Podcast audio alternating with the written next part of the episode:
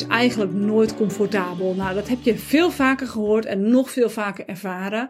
Dat op de momenten dat je het wel kon uitschreeuwen van ongemak en frustratie en verdriet en pijn en nou ja, wat dan ook, de momenten dat je door blokkades heen ging, de momenten waarop je de realiteitscheck keihard op je neus kreeg, die momenten zijn niet fijn.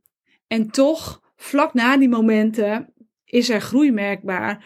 Ben je in een nieuwe versie van jezelf gestapt? Trek je nieuwe dingen aan die veel beter bij je passen? En is je leven er een stukje beter op geworden? Zo is het ook met je lichaam.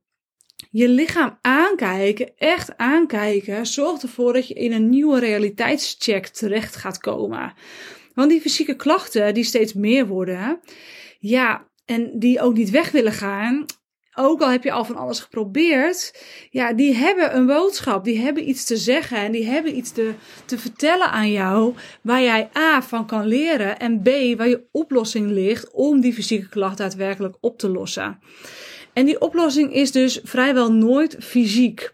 Dus als je al hebt geprobeerd om verschillende therapieën toe te passen, zoals acupunctuur, homeopathie, uh, massagetherapie, noem maar op wat voor jou ook maar uh, is geweest. En zelfs ook orthomoleculaire voedingstherapie. Voeding, diëten, uh, bloedtesten, EMD, bloedanalyse, leverbloedanalyse. Er is echt zoveel mogelijk. En jij hebt waarschijnlijk al van alles geprobeerd om jouw fysieke klachten op te lossen. En je komt niet tot een antwoord. En dat komt omdat er iets in jouw lijf is wat nog niet aangekeken is. En dat is een bepaalde energie. Een emotionele, een mentale of een spirituele energie. Het naar boven halen van die energie en het aan gaan kijken zorgt ervoor dat je tot een doorbraak komt. En zorgt er ook voor dat de energie uit je lijf weg kan. En dat de voedingstherapie die ik dan doe, of die een andere therapie die jij dan doet, daadwerkelijk aanslaat. Daadwerkelijk ook echt kan helpen en dat het geen dweilen is met de kraan open.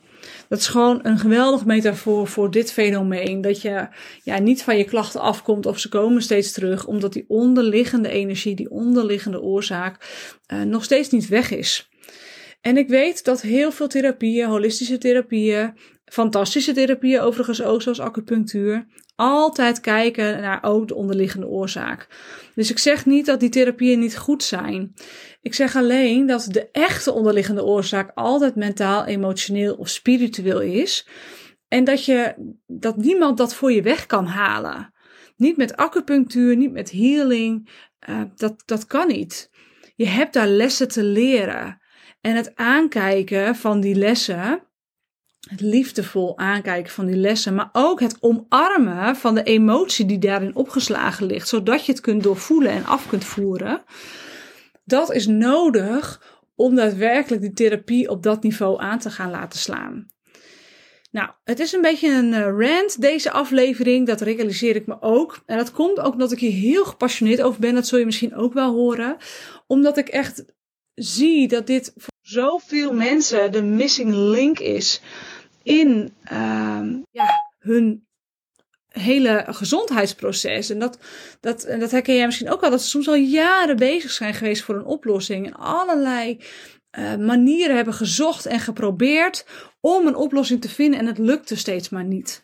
Ja, dit is die missing link. Je hebt lessen te leren en die liggen in jouw lichaam opgeslagen. En die heb je aan te kijken. Die heb je aan te kijken.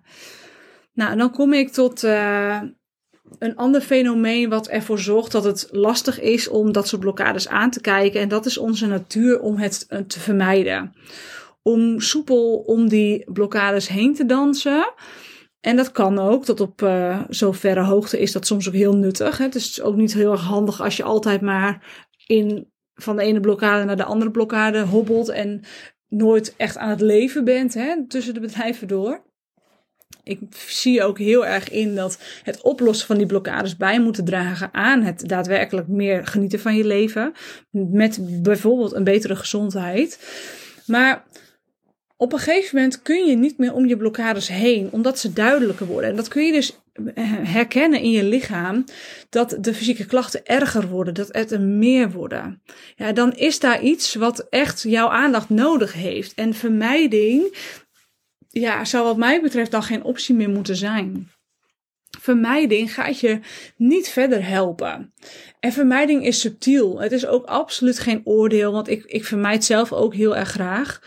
Um, want dat zit in onze natuur. Het is een copingmechanisme om het ongemakkelijke uit de weg te gaan. Maar vermijding um, is subtiel, wat ik al zei. En dat kan hem zitten in dat je jezelf bijvoorbeeld aan het verdoven bent. Dat je iets te vaak wijn inschenkt. Dat je ja, iets te vaak uh, de snijkast induikt en toch iets te vaak te veel chocola eet. Of jezelf uh, toch stiekem aan het, uh, aan het volproppen bent met eten wat gewoon niet goed voor je is. Hè? Dat je wel weet dat het niet goed voor je is, maar dat het gewoon niet lukt om ervan af te blijven. En dat kan simpel zijn uh, van bijvoorbeeld uh, suiker. Maar het kan ook zijn dat jij bijvoorbeeld al lang weet dat gluten niet goed voor je zijn. Maar dat je toch vermijdt om daar echt actie op te ondernemen en echt jezelf te committen aan glutenvrij eten. Dus het kan heel subtiel zijn. Het kan dus zitten in verdoving. Het kan ook zitten in afleiding zoeken.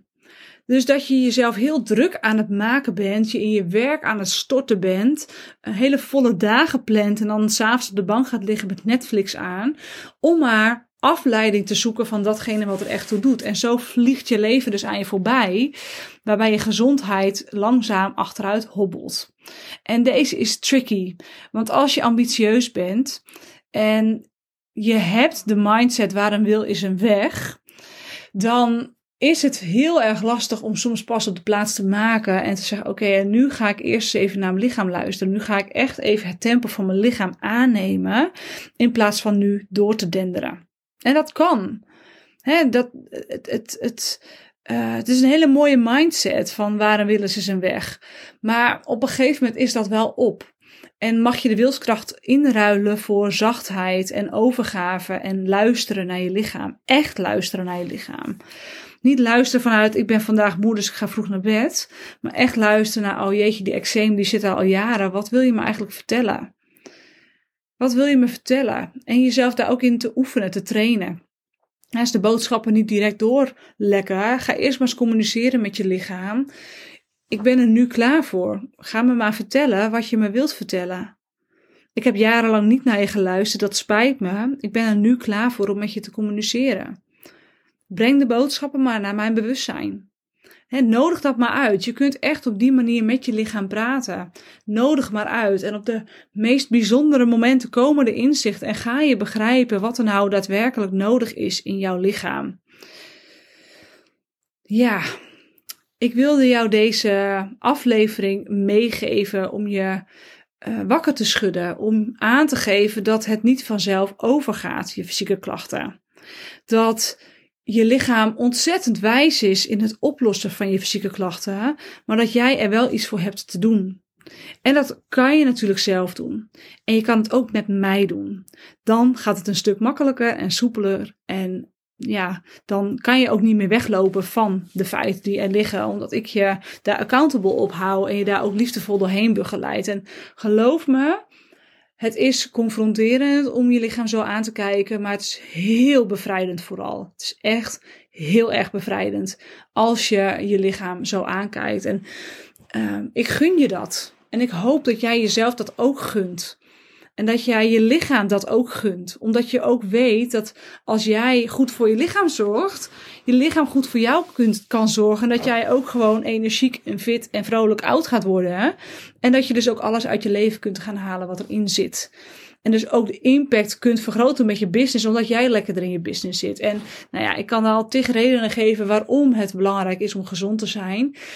Maar de momenten waarop ja, je gezondheid echt je partner speelt, dat zijn de momenten waar je op je duidelijkste kunt voelen, ja, er is eigenlijk niks zo belangrijk als mijn gezondheid. Uh, ik hoop alleen dat jij voordat je dat moment komt aan de uh, bel gaat trekken en in actie komt en echt gaat leren luisteren naar je lichaam. Nou, ik help je daar met liefde bij, dus vermijd die strategie-sessie met mij niet. Bied hem je gratis en vrijblijvend aan. Wel natuurlijk met de intentie dat als wij een match blijken te zijn, dat ik je een aanbod doe om je nog beter te kunnen helpen. Wat ik met nog veel meer liefde ook doe en dan ook een langere periode. En dan sta ik aan je zijde om je door dat proces te begeleiden. Zowel met de juiste voeding leren kennen waar jouw lichaam behoefte aan heeft, jouw lichaam vanuit je unieke constitutie als vanuit de energetische onderlaag die er nu in jou nog zit, die niet zuiver is, die blokkades heeft en die een lage energie levert voor jouw lichaam. Nou, boek je strategie-sessie, dan bespreken we de mogelijkheden en de perspectieven die ik voor je zie. En ik uh, zie je en spreek je heel erg graag dan. Via de show notes vind je alle linkjes die je nodig hebt. Tot de volgende aflevering.